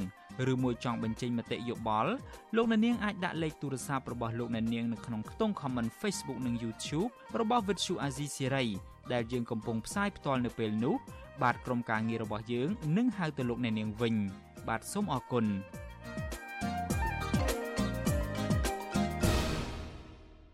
បាទលោកនាយកទីមេត្រីតេតងនឹងបរដ្ឋកំពុងតែចម្ពាក់បំណុលធនាគារវិញមន្ត្រីសង្គមស៊ីវិលជំរុញឲ្យស្ថាប័នផ្ដាល់ប្រាក់កម្ចីត្រូវរៀបចំកម្ចីឡើងវិញដើម្បីពន្យាឬបន្ធូរបន្ថយការសងត្រឡប់ដោយសារតែចំណូលរបស់បរដ្ឋបានធ្លាក់ចុះខ្លាំង ពួកគេក៏បានស្នើរដ្ឋាភិបាលចេញមុខសម្រាប់សម្រួលបញ្ហានេះជាមួយស្ថាប័នផ្ដាល់ប្រាក់កម្ចីផងដែរបាទប្រធានាធិបតីវ៉ាស៊ីនតោនលោកមានរិទ្ធរាជការព័ត៌មាននេះមន្ត្រីអង្គការសង្គមស៊ីវិលជំរុញឲ្យស្ថាប័នផ្ដល់ប្រាក់កម្ចីរៀបចំនីតិវិធីផ្អាកឬបន្ធូរបន្ថយការសងបំណុលចំពោះប្រជាពលរដ្ឋដែលកំពុងជួបការលំបាកខ្លាំងក្នុងការរកប្រាក់ចំណូល នាយកទទួលបន្ទុកកិច្ចការទូតនៃអង្គការលីកាដូលោកអំសំអាត សង្កេតឃើញថាប្រជាពលរដ្ឋកាន់តែច្រើនឡើងច្រើនឡើង កំពុងជួបការលំបាកនៅក្នុងការសងបំណុលជាពិសេសក្រុមអ្នកវិនិយោគលើវិស័យអចលនទ្រព្យក្រុមអ្នកលក់ដូរនិងក្រុមអ្នកធ្វើការផ្នែកផ្ដល់សេវាកម្មផ្សេងៗ លោកបន្តថាពលរដ្ឋទាំងនេះកាន់តែច្រើនឡើង កំពុងប្រឈមទៅនឹងការបាត់បង់ផ្ទះសម្បែងរបស់ពួកគេ ដោយសារតែមិនអាចដោះបំណុលបានទាន់ពេលគាត់ប្រឈមមុខនឹងបាត់បង់ទ្រព្យសម្បត្តិដីធ្លីឬក៏ផ្ទះសម្បែងដើម្បីលក់ក្នុងការសងបំណុលណាបាទក្រៅតែពីបំណុលមីក្រូហិរញ្ញវត្ថុធនាគារគាត់មានបំណុលឯកជនមួយចំនួនទៀតដែរនឹងជាហានិភ័យខ្ពស់សម្រាប់ពួកគាត់ ការទទូចរបស់មន្ត្រីសង្គមស៊ីវិលបែបនេះកើតមានឡើងក្នុងពេលដែលប្រជាពលរដ្ឋជាច្រើនអ្នកដែលជាកូនបំណុលកំពុងត្អូញត្អែពីការលំបាកនៅក្នុងការរកប្រាក់បង់ធនាគារនិងមីក្រូហិរញ្ញវត្ថុមិនបានដោយសារតែប្រាក់ចំណូលរបស់ពួកគាត់ធ្លាក់ចុះនៅក្នុងពេលជាមួយគ្នានេះក៏មានពលរដ្ឋមួយចំនួនដែលបានទិញផ្ទះបង់រំលោះពីបូរីក៏កំពុងដាក់ស្លាកលក់ផ្ទះជាបន្តបន្ទាប់ដោយសារតែគ្មានលទ្ធភាពបង់ប្រាក់ឲ្យបូរី ប្រធានមជ្ឈមណ្ឌលប្រជាពលរដ្ឋដើម្បីអភិវឌ្ឍនិងសន្តិភាពលោកយងកំឯងមានប្រសាសន៍ថាចំនួនផ្ទះដាក់លក់កាន់តែច្រើន បង្ហាញថាស្ថានភាពជីវភាពរបស់ប្រជាពលរដ្ឋកាន់តែជួបនឹងការលំបាកខ្លាំងពិនិត្យមើលទៅលើថាអ្នកដែលដាក់ផ្ទះលក់ក៏ច្រើនបាទផ្ទះលក់ផ្ទះជួលច្រើនណាស់ឥឡូវបាទហើយព័ត៌មាននៃអ្នកដែលបាត់បង់ផ្ទះ ក៏មានព័ត៌មានច្រើនដែលអត់មានលទ្ធភាពក្នុងការបង់រំលោះផ្ទះនឹងបាទហើយអ្នកចម្ពាក់បំណុលគេអានេះយើងអឺមិនបាច់និយាយទេព្រោះដោយសារថា មានច្រើនស្រាប់ទៅហើយបាទចំណែកប្រធានសហជីពសេរីកម្មករអ្នកស្រីទូចសាឲ្យដឹងថាជាទូទៅ កម្មករជំពាក់បំណុលលើសពីមួយស្ថាប័នអ្នកស្រីជំរុញឲ្យដោះស្រាយបញ្ហានេះជាបន្ទាន់ដោយសារតែកម្មករកំពុងបាត់បង់ការងារធ្វើជាបន្តបន្ទាប់ហើយទំនិញក៏ចេះតែឡើងថ្លៃទៅឡើងថ្លៃទៅ ធ្វើឲ្យកម្មករជួបបញ្ហាកាន់តែខ្លាំងជាទូទៅបើសិនជាតំណែងទីផ្សារនៅតែឡើងថ្លៃកម្មករកាន់តែពាក់គេកាន់តែខ្ពស់អញ្ចឹងការចាយវានឹងប្រាក់ខែហ្នឹងគឺមិនអាចគ្រប់គ្រាន់នឹងការគ្រប់គ្រងក្នុងជីវភាពក្នុងគ្រួសារអូនយើងមើលឃើញហើយមិនថាតែកម្មករទាំងបីតែប្រជាពលរដ្ឋភាគច្រើនក៏ពិបាកនឹងរលុយចាយផង រីឯអ្នកបើកម៉ូតូកង់3ម្នាក់នៅរាជធានីភ្នំពេញលោកខេមសខនឲ្យដឹងថាលោកនិងមិត្តភ័ក្តិលោកអ្នកបើកម៉ូតូកង់3ដូចគ្នាសុទ្ធតែត្រូវសងបំណុលធនាគារជាមធ្យមពី200ទៅ300ដុល្លារនៅក្នុងមួយខែលោកបន្តថាក្នុងស្ថានភាពលំបាកលំបិនបែបនេះអ្នកខ្លះបានខ្ចីលុយពីបុគ្គលឯកជននៅក្នុងអត្រាការប្រាក់ខ្ពស់រហូតដល់ទៅ10%ក៏មានដើម្បីយកមកបង់បង្គ្រប់សងធនាគារ លោកខេមសខនបន្តថាបើរដ្ឋាភិបាលនិងស្ថាប័នផ្ដល់ប្រាក់កម្ចីនៅតែមិនរកដំណោះស្រាយហើយបន្តគៀបសង្កត់ប្រជាពលរដ្ឋក្រីក្រតទៅទៀតនោះ នោះបញ្ហានេះនឹងកាន់តែរីកធំឡើងធំឡើងនៅក្នុងសង្គមបើអត់ព្រមចែកចេះដាក់បន្ទុកធ្ងន់មែនទែនទៅលើអ្នកកម្ចីហើយតកែធំធំរួចតែខ្លួនហើយអ្នកទាំងអស់គ្នានឹងគិតទៅរួចខ្លួនហើយបាបារៀហើយកាលណារៀក្ររឿងអីរត់មិនក្រអាហ្នឹងវាចឹងបាទវាប៉ះទាំងអស់គ្នាប៉ះទាំងអស់គ្នាហ្នឹងហើយ វិសុវអាស៊ីស្រីមិនអាចតតងแนะនាំពាក្យក្រសួងសេដ្ឋកិច្ចនិងហិរញ្ញវត្ថុលោកមាសសុកសេនសាន និងអគ្គទេសាភិបាលធនាគារជាតិនៃកម្ពុជា អ្នកស្រីជាស្រី ដែលទើបឡើងកាន់តំណែងតាមជើងខោឪដើម្បីសាកសួរបញ្ហានេះបាននៅឡើយទេនៅថ្ងៃទី14ខែសីហាចំណែកឯអ្នកនាំពាក្យសមាគមមីក្រូហិរញ្ញវត្ថុលោកកាំងតងីថ្លែងថាគោលការណ៍រៀបចំកម្ចីឡើងវិញ ដែលអនុវត្តនៅក្នុងអំឡុងពេលជំងឺ Covid-19 នោះបានបិទបញ្ចប់ហើយ ក៏ប៉ុន្តែលោកថាបើទោះបីជាគោលការណ៍នេះបានបញ្ចប់ហើយក៏ដោយក្តីក៏ធនាគារឬគ្រឹះស្ថានមីក្រូហិរញ្ញវត្ថុនៅតែសម្របសម្រួលរៀបចំឲ្យអតិថិជនដែលមិនមានលទ្ធភាពសងបំណុលដែរ ក៏ប៉ុន្តែលោកថាត្រូវទម្លាក់បន្ទុកអតិថិជននោះដែលអាចឲ្យអតិថិជន ពិបាកខ្ចីនៅពេលក្រោយជាធម្មតាគឺយើងមានគោលនយោបាយក្នុងការសម្របសម្រួលដល់អតិថិជនយើងមានន័យថាប្រសិនបើអតិថិជនគាត់អត់អត្តភាពហើយយើងក៏អត់អាចបង្ខំគាត់ដែរអាហ្នឹងត្រូវតែរៀបចំអន្តៀនឡើងវិញជូនគាត់ហើយប៉ុន្តែការរៀបចំឡើងអន្តៀនឡើងវិញជូនអតិថិជនផ្អែកតាមច្បាប់គឺយើងត្រូវទម្លាក់ចំណាត់ថ្នាក់អន្តទានមួយហ្នឹងឬក៏ភាសាសាមញ្ញមានន័យថា កាលណាអតិជនដែលធ្លាប់រៀបចំអន្តរាឡើងវិញក្នុងពេលធម្មតាបែបនេះគឺគាត់រៀងទៅធ្លាក់បន្ទុកលោកកាំងតងីឲ្យដឹងថាបច្ចុប្បន្ននេះមានអតិថិជនស្នើរៀបចំកម្ចីឡើងវិញរហូតដល់ប្រមាណ5%ខណៈនៅមុនការរាតត្បាតនៃជំងឺ Covid-19 មានអតិថិជនស្នើរៀបចំកម្ចីឡើងវិញតែ1%ហើយក្នុងអំឡុងពេលវិបត្តិជំងឺ Covid-19 មានតែប្រមាណ3%តែប៉ុណ្ណោះ កាលពីខែកញ្ញាឆ្នាំ2022ក្រសួងសហព័ន្ធអាល្លឺម៉ង់សម្រាប់កិច្ចសហប្រតិបត្តិការសេដ្ឋកិច្ចនិងការអភិវឌ្ឍបានចេញរបាយការណ៍សិក្សាមួយ បង្ហាញថាពលរដ្ឋកម្ពុជាជិត17ម៉ឺននាក់បានលក់ដីសំបំណុលក្នុងរយៈពេល5ឆ្នាំចុងក្រោយចំណែករបាយការណ៍របស់អង្គការសង្ត្រាល់បង្ហាញថាពលរដ្ឋខ្មែរប្រមាណ3លាននាក់កំពុងធ្វើការជាពលករចំណាក់ស្រុកនៅក្នុងប្រទេសថៃ ដែលអ្នកទាំងនោះភ័យច្រើន កំពុងជំពាក់បំណុលធ្ងន់ធ្ងរខ្ញុំបានមេរិត Visual C ស្រីពីរដ្ឋធានី Washington បានលោកនាយកទីមេត្រីនៅស្របពេលដែលបរដ្ឋកំពុងតែប្រឈមនឹងបញ្ហាលំបាកស្វែងរកប្រាក់ដើម្បីសងបំណុលទៅធនាគារនោះរីឯអាជីវករលក់ដូរវិញក៏កំពុងតែប្រឈមនឹងបញ្ហាលំបាកស្វែងរកប្រាក់ចំណូលដែរអាជីវករផ្សាររាត្រីមួយចំនួននៅក្នុងក្រុងបានដំបងរអ៊ូរទាំអំពីជីវភាពគ្រួសារធ្លាក់ចុះ បន្ទាប់ពីអាជ្ញាធរបដូរទីតាំងផ្សារទៅកន្លែងថ្មី ធ្វើឲ្យកាន់តែពិបាករកប្រាក់ចំណូលនិងគ្មានភ្ញៀវទេសចរចូលមកទិញចំណីអាហារដោយពីពេលមុនមុនមន្ត្រីអង្គការសង្គមស៊ីវិលយល់ឃើញថាអភិបាលក្រុងបាត់ដំបង គួរតែរៀបចំទីកន្លែងឲ្យពួកគាត់ប្រកបមុខរបរឲ្យបានសមរម្យជៀសវាងធ្វើឲ្យប៉ះពាល់ដល់ជីវភាពគ្រួសាររបស់ពួកគាត់បាទសូមលោកនាងរងចាំស្ដាប់សេចក្តីរាយការណ៍នេះពិស្ដានាពេលបន្តិចទៀតនេះ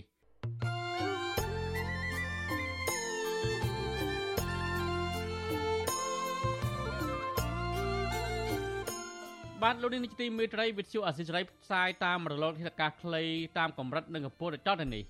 ពេលព្រឹកចាប់ពីម៉ោង5កន្លះដល់ម៉ោង6កន្លះតាមរយៈប៉ុស SW 12.14 MHz ស្មើនឹងកម្ពស់ 25m និងប៉ុស SW 13.71 MHz ស្មើនឹងកម្ពស់ 22m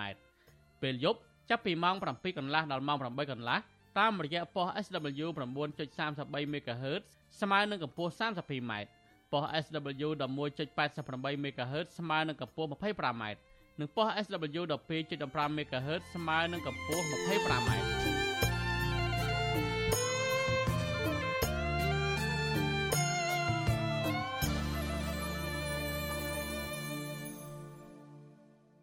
បាទលោកនាយកទីមេត្រីលោកមានរិទ្ធមានស្ដីរីកាមួយទៀតតកតងនឹងស្រូវដែលគ្មានទឹកដាក់នៅរដូវវស្សា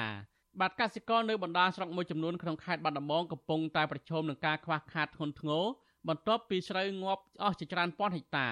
ដោយសារតែគ្មានទឹកធ្វើស្រែនៅរដូវវស្សានេះមន្ត្រីសង្គមស៊ីវិលជំរុញឲ្យមន្ត្រីជំនាញក្រសួងកសិកម្មចុះអនុវត្តនយោបាយទឹកចែកចាយនិងបង្កើតអាងស្តុកទឹកទៅកាន់តំបន់ប្រឈមភាពរាំងស្ងួតដើម្បីលើកស្ទួយវិស័យកសិកម្មនិងជីវភាពរបស់ប្រជាពលរដ្ឋបាទសូមលោកនាងស្ដាប់សេចក្តីរាយការណ៍មួយទៀតរបស់លោកមានរិទ្ធអំពីរឿងនេះ វាលស្រែដែលធ្លាប់តែមានពណ៌បៃតងនៅរដូវវស្សានៅតាមបណ្ដាស្រុកមួយចំនួនក្នុងខេត្តបាត់ដំបងដែលមានកេរ្តិ៍ឈ្មោះថាជាខេត្តជង្រុកស្រូវនោះពេលនេះបានប្រែពណ៌ទៅជាវាលឿងដ៏ធំល្វឹងល្វើយទៅវិញក៏ប៉ុន្តែពណ៌លឿងនេះមិនមែនជាស្រូវទុំដែលកសិករត្រៀមច្រូតកាត់នោះទេ តែគឺជាពង្រោះដែលងាប់ដោយសារខ្វះទឹកកសិករនៅឃុំមោងស្រុកមោងរស័យលោកខុនឈៀនប្រាប់វិសុវអាស៊ីសេរីនៅថ្ងៃទី14ខែសីហាថា បើទោះបីជារដូវវស្សាចូលមកដល់យូរខែទៅហើយក៏ដោយក្តីតែលោកនៅតែខ្វះទឹកបញ្ចូលស្រែដែលធ្វើឲ្យស្រូវពង្រោះរបស់លោកងាប់ជាបណ្ដាបណ្ដាលោកសង្កេតឃើញថាអាញាធរតែងបង្ហូរទឹកចូលក្នុងស្ទឹងសង្កែបង្កើតទឹកជំនន់ទៅបឹងទលេសាបហូហៀក៏ប៉ុន្តែនៅតំបន់ស្រុកមូងរស័យបែរជារាំងស្ងួតហួតហែងបើទោះបីជាមានប្រឡាយខ្វាត់ខ្វែងយ៉ាងណាក៏ដោយ អេបើអាកន្លែងខ្លះវាអាចសង្គ្រោះបានខ្លះចឹង50%អីចឹងប៉ុន្តែកន្លែងខ្លះវាទៅសឹង100%ខ្លះគេជួចោលព្រោះថ្មីតែព្រោះថ្មីមិនពេញអីទេក៏ប្រភេទស្រូវស្ងន់ទេបងមិនមែនជាស្រូវស្រាលទេស្រូវភាសាយើងហើយប៉ុន្តែវាអត់មានទឹកក៏ពិបាកតែថាធ្វើស្រូវស្រាលច្រើនទៅអានោះថាអត់ទឹកពលរដ្ឋនៅឃុំមងម្នាក់ទៀតគឺលោកសុងម៉ៅ យល់ឃើញថាបញ្ហាកង្វះទឹកនេះបណ្ដាលមកពីអាញាធរហាក់ខ្វះជំនាញនិងយល់ដឹងពីភូមិសាស្ត្រនៃតំបន់កសិកម្មព្រោះនៅពេលស្ទឹងសង្កែមានទឹកចំនួនធំអាញាធរមិនបានគិតគូរបើកទ្វារទឹកបង្ហូរមកដល់ឃុំមងនោះទេរហូតទាល់តែទឹកហូរទៅទន្លេសាបអស់ ម្យ៉ាងវិញទៀតលោកបន្តថាភូមិសាស្ត្រនៃតំបន់គោះក្រឡនិងស្រុកមូរិស័យនេះមានតំបន់ខ្លះទាបខ្លះទៀតខ្ពស់ដូច្នេះហើយលោកស្នើឲ្យអាជ្ញាធរជំនាញគួរតែសាងសង់ទ្វារទំនប់ទឹកបន្ថែមទៀតដើម្បីបែងចែកទឹកនៅតាមតំបន់នីមួយៗឲ្យស្មើគ្នាជាក់ស្ដែងបើតាមការដឹងផងខ្ញុំខ្ញុំនៅនឹងខ្ញុំធ្វើស្រែហ្នឹងគឺដូចអត់មានឃើញអាជ្ញាធរណាអើពើផងអញ្ចឹងហើយស្រោងងាប់វាទាំងការហើយដូចអត់ឃើញមានអាជ្ញាធរណាមកអើពើអីហើយ ជួយដោះស្រាយជារដ្ឋផងបន្លាយមានបន្លាយធ្លុងហើយទឹកមកដល់លំលំហ្នឹងហើយនិយាយទៅយ៉ាប់ត្រឹមឃុំម៉ោងបណ្ដោយអស់ត្រឹមឃុំម៉ោងគឺអត់មានទឹកមកដល់បញ្ហាកង្វះទឹកធ្វើកសិកម្មនេះមិនមែនកើតមានឡើងតែនៅស្រុកមុងរស័យតែមួយប៉ុណ្ណោះទេក្នុងនោះក៏មានឃុំមួយចំនួននៅស្រុកគោះក្រឡដែលស្ថិតនៅជាប់នឹងស្រុកមុងរស័យនេះក៏កំពុងជួបបញ្ហាខ្វះខាតទឹកដូចគ្នានេះដែរហើយតំបន់ខ្លះទៀតមិនមានប្រឡាយទឹកនោះទេ កសិករនៅឃុំព្រះផុសស្រុកគោះក្រឡលោកមឿនរឿនត្អូញត្អែថាស្រូវរបស់លោកនិងអ្នកភូមិដទៃទៀតចំនួនរាប់ពាន់ហិកតា កំពុងដាច់ទឹកនិងងាប់ជាបណ្ដាបណ្ដាហើយលោកលើកឡើងថាកន្លងមក អ្នកភូមិបានស្នើទៅអាជ្ញាធរធ្វើប្រឡាយដោយតភ្ជាប់ពីប្រឡាយមេ ចេញពីឃុំធិបតីជាច្រើនដងរួចមកហើយក៏ប៉ុន្តែมันមានការឆ្លើយតបពីអាជ្ញាធរណានៅឡើយទេ លោកបន្តថាដោយសារតែដាច់ទឹកយូរស្រូវរបស់លោកមួយចំនួនងាប់ទាំងស្រុងនិងមួយចំនួនទៀតកំពុងស្វិតជាបណ្ដាបណ្ដាហើយដោយសារតែគ្មានជំរឿអ្នកភូមិបាននាំគ្នាយកមន្ទាទៅសែនព្រេនសុំទឹកភ្លៀងពីអ្នកតាម្ចាស់ទឹកម្ចាស់ដីព្រោះអ្នកភូមិយល់ថាអាញាធរហាក់មិនអើពើចំពោះសំណើរបស់ពួកគាត់ឡើយដូច្នេះហើយទើបពួកគាត់ពឹងលើបារមីនៃវត្ថុស័ក្តិសិទ្ធិវិញម្ដង មិញបកមកក្ដុងក្ដាំងក្ដាំងដែរព្រោះសបាយដែរហ្នឹងបងឥឡូវពេលឥឡូវកាត់ឆឹងទៀតមីកន្លះវេវទៀតហ្នឹងបើសំណើសំណើវារឿងក្រាដែរបងសំណើឲ្យចង់បានប្រភពបលាយហើយមេប្រភពមេទឹកមួយយ៉ាងធំហ្នឹងទៅទុកបានស្តុបទឹកបាន100,000គីហ្នឹងណាក៏ប្រើប្រាស់អារឿងជីវកម្មតខ្លួនខ្លះទៅជាងកាលបានអាសោយបលាចកាស្រែហ្នឹងទៅ ការតូនតែរបស់កសិករទាំងពីរស្រុកនេះគឺស្របពេលដែលរដូវវស្សាបានកន្លងផុតទៅជាង2ខែមកហើយតែគ្មានភ្លៀងធ្លាក់ចំណែកឯប្រព័ន្ធធារាសាស្ត្រវិញ មានតែប្រឡាយចាក់បេតុងសងខាង តែបែរជារីងខាស់គ្មានទឹកទៅវិញក្នុងនោះឃុំចំនួន4នៃស្រុកកោះក្រឡនិងឃុំចំនួន7នៃស្រុកមុងរស័យកំពុងខ្វះខាតទឹកធ្វើស្រែដែលបណ្ដាលឲ្យកសិកររាប់ពាន់គ្រួសារត្រូវប្រឈមទៅនឹងបញ្ហាសេដ្ឋកិច្ចធ្វើចំណាក់ស្រុក និងជាប់បំណុលធនាគារវិសុវអាស៊ីស្រីមិនអាចតាក់ទងប្រធានមន្ទីរធនធានទឹកនិងអូតូនិយមខេត្តបាត់ដំបងលោកលងផលគុណដើម្បីសុំការបកស្រាយជុំវិញបញ្ហានេះបាននៅឡើយទេ នៅថ្ងៃទី14ខែសីហាក៏ប៉ុន្តែទំព័រ Facebook របស់មន្ទីរធនធានទឹកនិងអូតូនិយមខេត្តបាត់ដំបងឲ្យដឹងថាក្រុមការងារនៃមន្ទីរធនធានទឹកនិងអូតូនិយមនៃខេត្តនេះ និងមន្ត្រីមូលដ្ឋាន បានចុះទៅពិនិត្យទីតាំងភូមិរលួឃុំមោងស្រុកមោងរិស័យដែលលើកឡើងពីមូលហេតុនៃបញ្ហានេះថាដោយសារតែទីតាំងភូមិសាស្ត្រនេះនៅខាងចុងប្រឡាយនិងមានសន្តានដីខ្ពស់ប្រើពេលយូរនៅក្នុងការបញ្ជូនទឹកទៅដល់គោលដៅពជាកសិករមិនបានគ្រប់តាមវិនបែងចែកទឹកការប្រែប្រួលអាកាសធាតុនិងប្រជាកសិករធ្វើស្រែច្រើនលើសពីបរិមាណទឹកនៅក្នុងប្រឡាយជាដើម ចំពោះបញ្ហាខ្វះខាតទឹកធ្វើស្រែនៅឃុំព្រះផុសស្រុកគោះក្រឡវិញ មន្ទីរធនធានទឹកមិនបានបញ្ជាក់បញ្ហានោះទេទោះជាបែបនេះក្តីពលរដ្ឋលើកឡើងថាបញ្ហាខ្វះខាតទឹកដែលកើតមានជាច្រើនឆ្នាំមកហើយនេះមិនមែនសុទ្ធសឹងតែបង្កឡើងដោយគ្រោះធម្មជាតិទាំងអស់នោះទេក៏ប៉ុន្តែបណ្ដាលមកពីកង្វះសមត្ថភាព និងទំនួលខុសត្រូវរបស់អាជ្ញាធរនៅក្នុងការគ្រប់គ្រងរបបទឹក តាក់ទងនឹងរឿងនេះអ្នកសម្របសម្រួលផ្នែកឃ្លាំមើលការរំលោភសិទ្ធិមនុស្សនៃអង្គការលីកាដូប្រចាំខេត្តបាត់ដំបងលោកអិនគង្ជិតលើកឡើងថាស្រុកមោងរស័យនិងស្រុកគោះក្រឡមានផ្ទៃដីស្រែចម្ការល្វឹងល្វើយនិងធ្លាប់ទទួលបានផលស្រូវរាប់ពាន់ហិកតាក្នុងមួយឆ្នាំមួយឆ្នាំដែលតម្រូវឲ្យអាជ្ញាធរមានសមត្ថកិច្ចនិងមន្ត្រីជំនាញយកចិត្តទុកដាក់ទៅលើការបង្កបង្កើនផលរបស់ប្រជាកសិករនៅក្នុងតំបន់ទាំងនោះជាពិសេសការអនុវត្តនយោបាយទឹក លោកបន្តថាមន្ទីរធនធានទឹកគួរចុះពិនិត្យនិងសិក្សាពីភូមិសាស្ត្រដើម្បីបង្កើតប្រព័ន្ធធារាសាស្ត្រឲ្យមានប្រសិទ្ធភាព ដូចជាការបង្ហូរប្រភពទឹកតាមប្រឡាយនិងការធ្វើអាងស្តុកទឹកទឹកប្រើនៅរដូវប្រាំងជាដើម ជាពិសេសសម្រាប់ស្រុកមូងឫស្សីដែលនៅឆ្ងាយពីប្រភពទឹកយកទឹកពីខាងផ្នែកនៃទឹកស្ទឹងវ៉ាសាក់បាទយកចូលក្នុងអាងទឹកនឹងហើយតម្កល់ទុកគុតគង់សម្រាប់ ទៅដល់បណ្ដាឃុំផ្សេងផ្សេងទៀតនៅក្នុងក្នុងស្រុកមងរស័យនឹងដើម្បីផ្ដល់ទឹកនៅពេលដែលមានភាពគ្រោះរាំងស្ងួតនិងនៅពេលដែលខាងស្ទឹងក្រហមមិនអាចគ្រប់គ្រងទឹកមកបានណាកសិករនៅខេត្តបាត់ដំបងស្នើឲ្យមន្ត្រីជំនាញប្រញាប់ចុះមកសិក្សានិងដោះស្រាយពីបញ្ហាខ្វះខាតទឹកជូនពួកគាត់ពីព្រោះបញ្ហានេះកើតមានឡើងជាច្រើនឆ្នាំមកហើយដោយមិនគួរទុកឲ្យពួកគាត់ធ្វើស្រែ ផ្ទៀងត្រចៀកចាំស្ដាប់សម្លេងផ្គរនិងបន់ស្រន់អ្នកតាសុំទឹកភ្លៀងទាំងក្នុងរដូវវស្សាបែបនេះឡើយខ្ញុំបាទមេរិត Visual C ស្រីពីរដ្ឋធានី Washington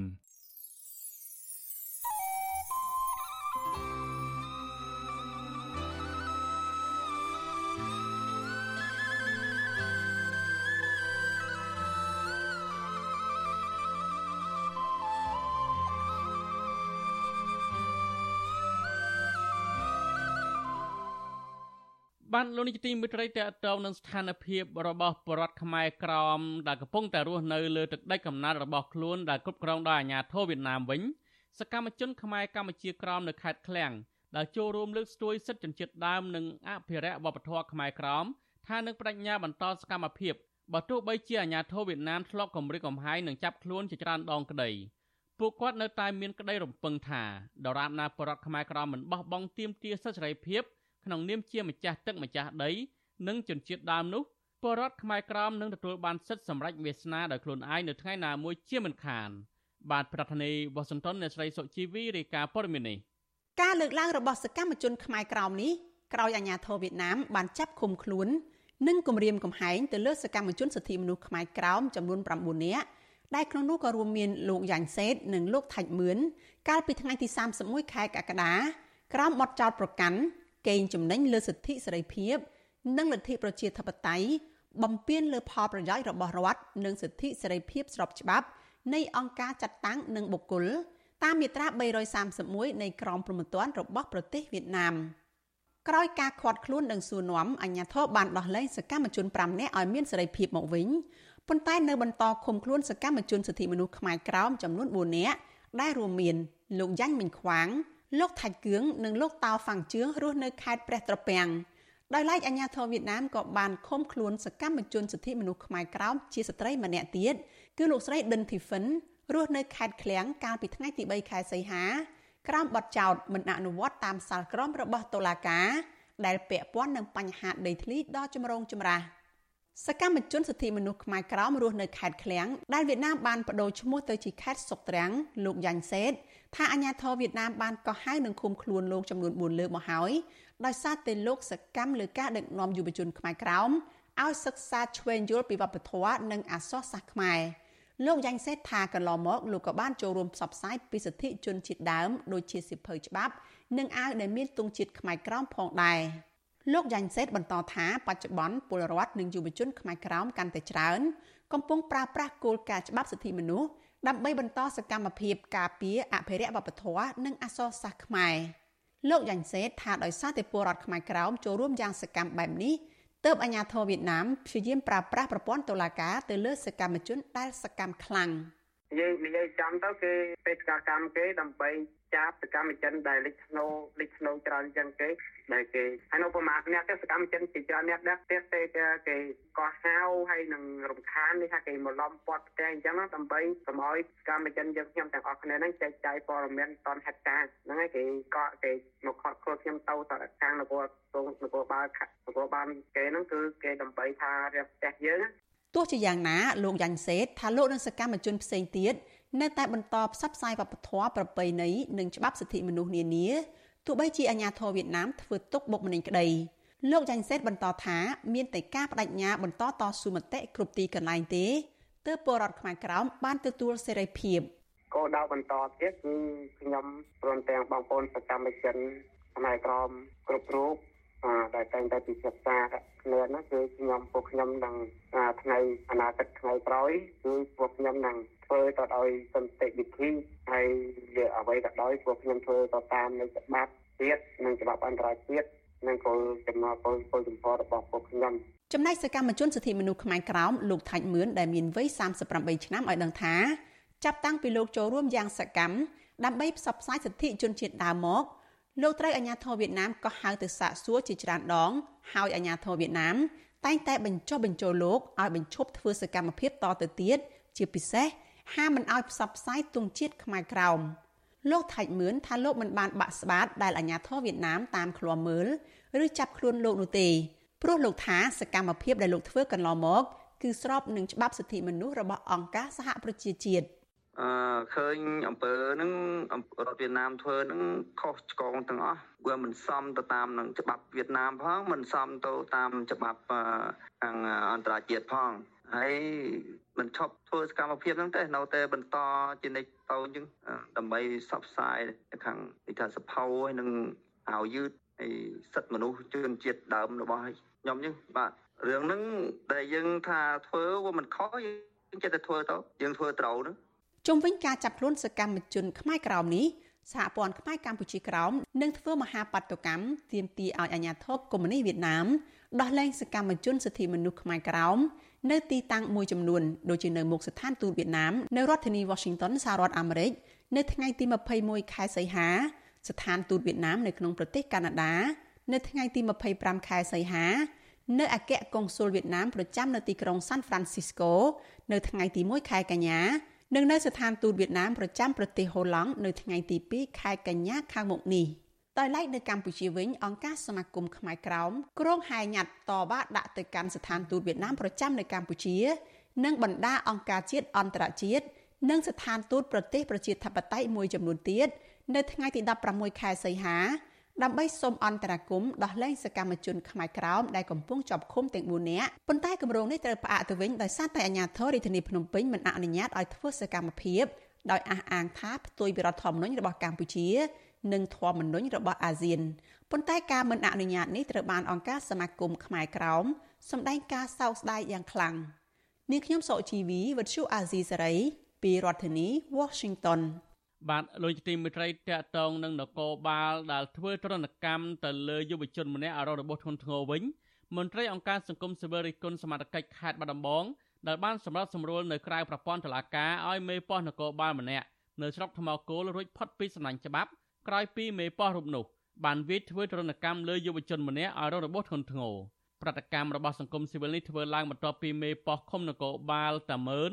បានសារភាពទទួលកំហុសហើយធ្វើកិច្ចសន្យាដោយការសំទោសបញ្ចប់រឿងក្តីក្តាំនេះកាលពីព្រឹកថ្ងៃទី14សីហា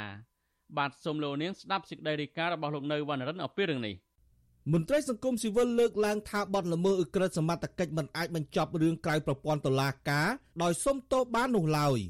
មន្ត្រីសម្របសម្រួលសមាគមការពារសិទ្ធិមនុស្សអាត6ខេត្តបាត់ដំបងនិងបៃលិនលោកយិនមេងលីប្រាប់វិទ្យុអាស៊ីសេរីនៅថ្ងៃទី14ខែសីហាថាករណីនេះបង្ហាញឲ្យឃើញថាការអនុវត្តច្បាប់នៅកម្ពុជា បានធ្លាក់ចុះខ្លាំងគួរឲ្យព្រួយបារម្ភលោកថាការដែលសាច់ញាតិជនរងគ្រោះផ្តិតមេដៃដកពាក្យបណ្ដឹងបញ្ចប់រឿងក្នុងសំណុំរឿងព្រមត្តនមានន័យថាសាច់ញាតិគ្រាន់តែឈប់ទៀមទាសំណងតែប៉ុណ្ណោះចំណែកបណ្ដឹងអាញាមិនរលត់នោះឡើយ លោកបញ្ជាក់ថាដូច្នេះព្រះរាជអាជ្ញាដែលជាតំណាងឲ្យរដ្ឋនៅក្នុងការរក្សាសន្តិភាពសាធារណៈត្រូវតែបន្តនីតិវិធីនេះចឹងខ្ញុំសំណុំពរទៅដល់ព្រះរាជអាជ្ញាធ្វើការបន្តនីតិវិធីរបស់ខ្លួន ក្នុងនាមជាដើមបណ្ដឹងអាជ្ញានេះបន្តទៅទៀត អត់យកហេតុផលថាបញ្ចប់រឿងនេះដោយក្រមគ្រួសារជនរងគ្រោះគាត់សូមបញ្ចប់ទេយើងចង់ឲ្យមានការផ្ដន្ទាទោសឲ្យបានស្មើស្មើគ្នាដោយមិនមានការរើសអើងចំពោះក្រមបកពួកឬពូជសាសឬក៏ពណ៌សម្បុរណាមួយទេដើម្បីឲ្យប្រទេសយើងជានីតិរដ្ឋដែលយើងតែងតែថានីតិរដ្ឋនីតិរដ្ឋហើយយើងក៏មិនចង់ឃើញការផ្ដន្ទាទោសសម្រាប់តែប្រជាពលរដ្ឋសាមញ្ញសម្រាប់អ្នកមានលុយមានអំណាចបែរជារួចវិញយើងអត់ចង់ឃើញរបៀបនេះនៅក្នុងសង្គមកម្ពុជាយើងទេបាទ ប្រតិកម្មរបស់មន្ត្រីសង្គមស៊ីវិលនេះធ្វើឡើងបន្ទាប់ពីអធិការនគរបាលស្រុកថ្មគោលលោកសេងលុចបានសម្របសម្រួលឲ្យមេប៉ុស្តិ៍នគរបាលឃុំតាមើនលោកសេងសុខាធ្វើកិច្ចសន្យាសារភាពទទួលកំហុសថាពិតជាបានវាយដំលើជនរងគ្រោះគឺយុវជនវឺតតវ៉ាន់ឈើតពិតប្រកបមែននិងសុំទោសសាច់ញាតិជនរងគ្រោះដើម្បីបញ្ចប់សំណុំរឿងនេះវិទ្យុអាស៊ីសេរីមិនអាចតាក់ទងអធិការនគរបាលស្រុកថ្មគោល លោកសេងលុចដើម្បីសុំការអធិប្បាយជុំវិញបញ្ហានេះបាននៅឡើយទេនៅថ្ងៃទី14សីហា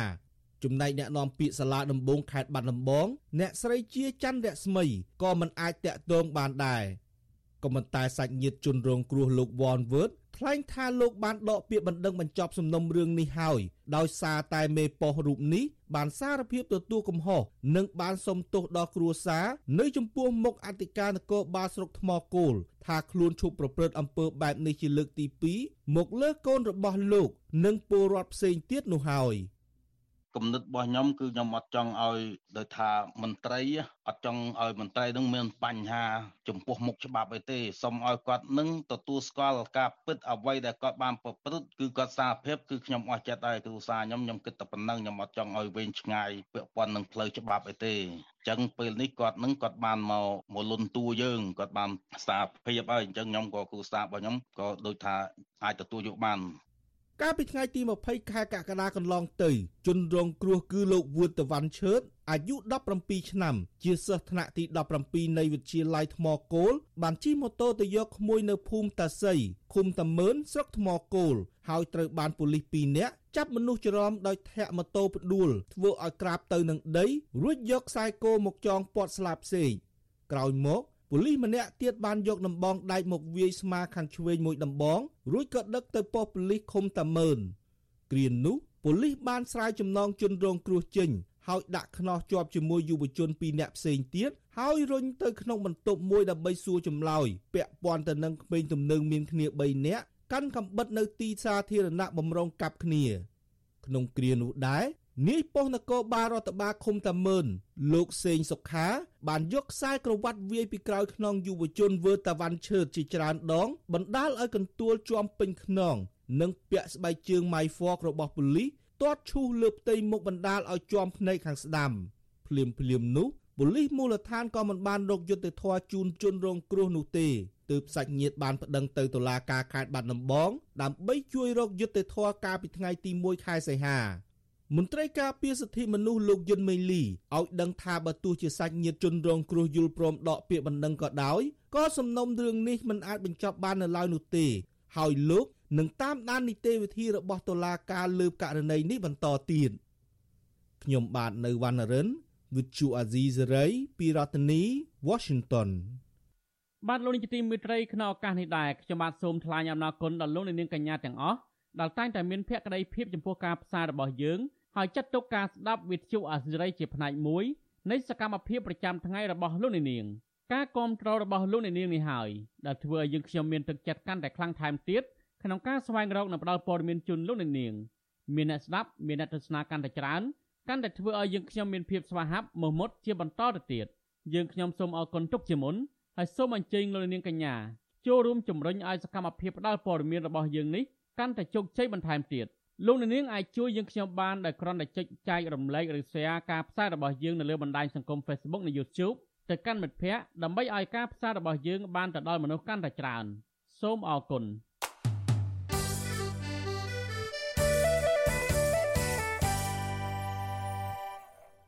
បានលោកនាយកទីមេត្រីនៅស្របពេលដែលបរដ្ឋកំពុងតែប្រឈមនឹងបញ្ហាលំបាកស្វែងរកប្រាក់ដើម្បីសងបំណុលទៅធនាគារនោះ រីឯអាជីវករលក់ដូរវិញក៏កំពុងតែប្រឈមនឹងបញ្ហាលំបាកស្វែងរកប្រាក់ចំណូលដែរអាជីវករផ្សាររាត្រីមួយចំនួននៅក្នុងក្រុងបានដំបងរអ៊ូរទាំអំពីជីវភាពគ្រួសារធ្លាក់ចុះបន្ទាប់ពីអាជ្ញាធរបដូរទីតាំងផ្សារទៅកន្លែងថ្មី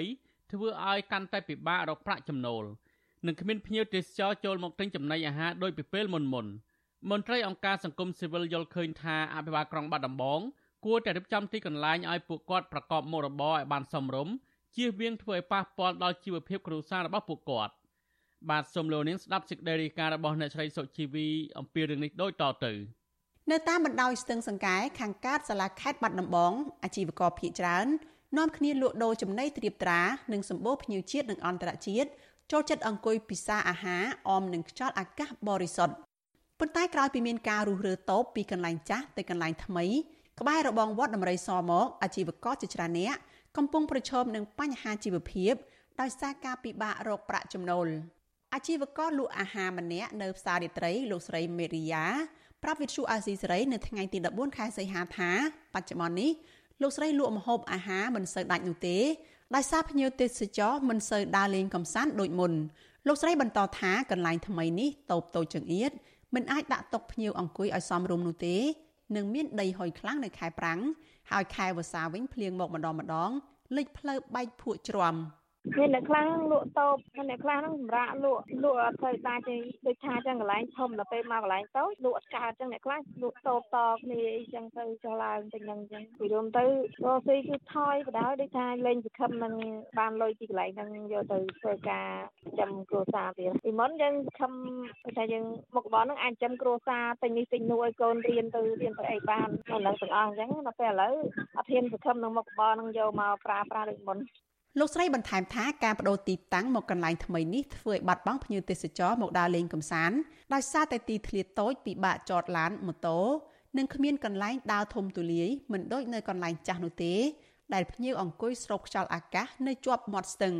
ទីតាំងចាស់មានអាជីវករលក់ដូរគឺនៅតាមបណ្ដោយស្ទឹងសង្កែជិត500ម៉ែត្រដោយលាតសន្ធឹងចាប់ពីមុខសារមន្ទីរចាស់រហូតដល់សួននាគបាញ់ទឹក មានចំនួន28តូប អាជីវករភៀកច្រើនលក់ដូរនៅពេលល្ងាចដែលរួមមានភេសជ្ជៈផ្លែឈើនិងចំណីអាហារផ្សេងទៀតអមដោយដើមឈើមានម្លប់និងទេសភាពមាត់ស្ទឹងដែលជាតំបន់តាក់ទាញភ្ញៀវទេសចរកាលពីថ្ងៃទី10ខែមិនិនារដ្ឋបាលក្រុងបាត់ដំបងបានកំណត់ឲ្យអាជីវកររុះរើតូបលក់ដូរនៅកន្លែងចាស់ក្នុងរយៈពេល3ថ្ងៃក្រោមហេតុផល ថាកែលំអទីតាំងផ្សាររាត្រីដែលប្របនៅមាត់ស្ទឹងសង្កែ ឲ្យคล้ายជាសួនវិមានឯករាជ្យនិងសួនច្បារសម្ដេចក្រឡាហោបសខេងប៉ុន្តែអាជីវករអះអាងថានៅទីតាំងថ្មីទំហំតូបលក់ដូររបស់ពួកគេតូចដែលមានទំហំត្រឹមតែ2ម៉ែត្រ4ជ្រុងខណៈនៅកន្លែងចាស់មានទំហំធំទូលាយអាចដាក់តុអង្គុយបានច្រើនអាជីវករម្នាក់ទៀតគឺលោករតរឿនត្អូញត្អែថាប្រាក់ចំណូលធ្លាក់ចុះហើយត្រូវបង់សេវាសន្តិសុខនិងអនាម័យថ្លៃគុណនឹង2ដងដោយក្នុងមួយខែត្រូវចំណាយអស់ជាង100,000រៀល លោកបន្តថាសប្តាហ៍ថ្ងៃនេះក្នុងមួយថ្ងៃលោករកប្រាក់ចំណូលបានចន្លោះពី20,000រៀលទៅ10,000រៀលប៉ុណ្ណោះខុសពីនៅកន្លែងចាស់ដែលលោកអាចលក់ដូរបានចាប់ពី20,000រៀលទៅដល់30,000រៀល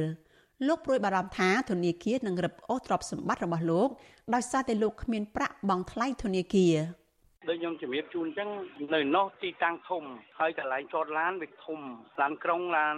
ទេសចរអីចតបានហើយភ្ញៀវប្រហែលនេះក៏ចូលបានដែរហ្នឹងហើយដល់មកនេះកន្លែងទូចទឹកដាក់បានតែមួយតែអញ្ចឹងទៅឡានក្រុងឡានទេសចរមកគាត់បានកន្លងគាត់ជុំវិញគាត់ទៅទៅអត់មានកន្លែងចតឡានហើយទី1ទី2តូបមកតូបបាទតុក1តុក2ហ្នឹងគេចង់ចូលមកមកតូបទាំងអស់គ្នាអញ្ចឹងណាប៉ុន្តែសំខាន់ណាអាណាម័យ9 60000ហើយនឹងយាម30000អញ្ចឹងតូប2ម៉ែកន្លះហ្នឹងដែលទុកដាក់ទុកបានមួយហ្នឹងក្នុងមួយខែត្រូវបង់ឲ្យក្រុមហ៊ុន90000 ទីកន្លែងលក់ដូរថ្មីមានទីតាំងស្ថិតនៅខាងលិចវិមានឯករាជ្យនៅតាមបណ្ដោយផ្លូវសួនចំបៃស្ថិតនៅក្នុងភូមិកម្មករសង្កាត់ស្វាយប៉ោដោយរដ្ឋបាលក្រុងសម្រាប់យកសួនចំបៃនៅកណ្ដាលផ្លូវភ្លោះជិតវត្តដំរីសសាងសង់តូបចំនួន32ដោយក្នុងតូបមួយមានទំហំ2ម៉ែត្រ4ជ្រុងកន្លងទៅអាជីវករធ្លាប់តវ៉ាឲ្យរដ្ឋបាលក្រុងបញ្ចុះតម្លៃសេវាអនាម័យនិងសន្តិសុខប៉ុន្តែខាងអាជ្ញាធរ បែរជាបិទទឹកបិទភ្លើងមិនឲ្យអាជីវករប្រើប្រាស់ទៅវិញក្រោយមកពួកគាត់បានស្នើសុំឲ្យពង្រីកទំហំតូបពី2ម៉ែត្រទៅ3ម៉ែត្រវិញតែរដ្ឋបាលក្រុងអាចផ្ដល់ត្រឹមតែ2ម៉ែត្រកន្លះប៉ុណ្ណោះហើយរដ្ឋបាលក្រុងបានសន្យាថានឹងជួសជុលផ្លូវតាមបណ្ដោយតូបទាំងនោះដើម្បីកែប្រែមិនឲ្យមានទឹកលិចនៅរដូវវស្សាវិទ្យុអាស៊ីសេរីមិនអាចតាក់ទងអភិបាលខេត្តបាត់ដំបងលោកសុកលូដើម្បីសូមអត្ថាធិប្បាយជុំវិញបញ្ហានេះបានទេ នៅថ្ងៃទី14ខែសីហា បើទោះជាយ៉ាងណាអាជីវករលក់ចំណីអាហារលោកស្រីសឿមផល្លារៀបរាប់ថា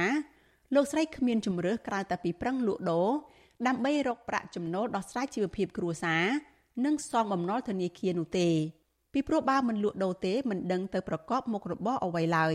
លោកស្រីបន្តថាលោកស្រីត្រូវចាយវាយត្បិតត្បៀតពីព្រោះរកប្រាក់ចំណូលមិនសូវបាន ហើយតម្លៃអីវ៉ាន់ក៏ចេះតែឡើងថ្លៃ។ ក្រុមហ៊ុនហ្មងដេញពួកខ្ញុំមកនេះយកមកឲ្យពួកក្រុមហ៊ុនសកតកណាមិនមែនជួយអ្នកក្រឯណាអូនឲ្យក្រុមហ៊ុនសកតកអ្នកក្រឲ្យឆាប់ងាប់លក់មិនដាច់ហើយសពបែបយ៉ាងអាគេគេបានគុណសម្បត្តិថាគេព្រីលើលើតូបហ្នឹងអើ2ឆ្នាំគេអត់តាមយកលុយទេផុតទៅ2ឆ្នាំគេយកលុយគេយកលុយសាច់តូបទៀតអូនតកតងនឹងរឿងនេះប្រធានមជ្ឈមណ្ឌលពលរដ្ឋដើម្បីអភិវឌ្ឍនិងសន្តិភាពលោកយងកំឯងមានប្រសាសន៍ថា អាជ្ញាធរក្រុងបាត់ដំបង គួរតែពិចារណាបញ្ហានេះឡើងវិញព្រោះកន្លែងលក់ដូរមិនសមរម្យអាចធ្វើឲ្យពួកគាត់ជួបបញ្ហាលំបាកផ្នែកជីវភាពលោកបន្តថាប្រសិនបើពលរដ្ឋមានមុខរបរហើយអាជ្ញាធរគួរតែលើកទឹកចិត្តនិងកសាងហេដ្ឋារចនាសម្ព័ន្ធផ្លូវថ្នល់ដើម្បីជួយសម្រួលដល់ការធ្វើអាជីវកម្មរបស់ពលរដ្ឋបាទពលអាជីវករជាអ្នករស់ស៊ីធម្មតានៅតាមដែលជា តែទៅរកស៊ីនៅតាមទីតាំងទីផ្សារអីហូហែហ្នឹងថាគួរតែមានការលើកទឹកចិត្តបន្ថែមទៀតធ្វើម៉េចកុំឲ្យគាត់បាត់បង់មុខរបរបាទបើជាប្រវត្តិមានមុខរបរមានចំណូលអីហ្នឹងបាទគឺរដ្ឋក៏ផុតបន្ទុក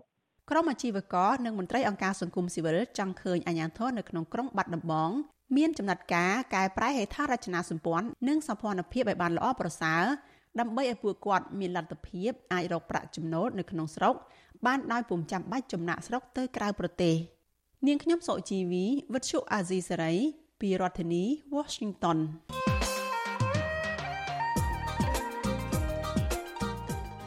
លោកអ្នកនាងជាទីមេត្រី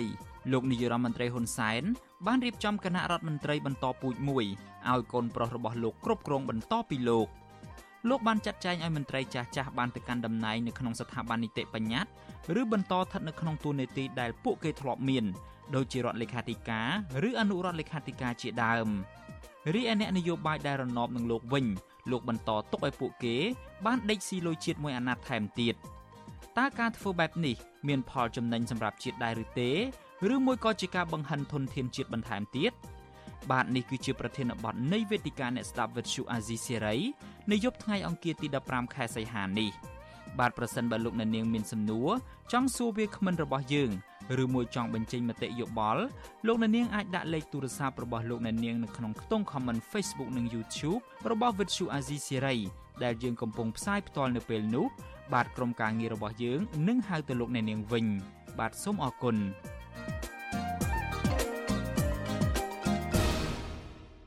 បាទលោកនាងជាទីមេត្រីការផ្សាយរយៈពេល1ម៉ោងនៃវិទ្យុអាស៊ីសេរីជាភាសាខ្មែរនៅពេលនេះចប់តែប៉ុណ្ណេះយើងខ្ញុំសូមជូនពរដល់លោកនាងព្រមទាំងក្រុមគ្រួសារទាំងអស់ឲ្យជួបប្រកបតែនឹងសេចក្តីសុខចម្រើនរុងរឿងកុំបីឃ្លៀងឃ្លាតឡើយ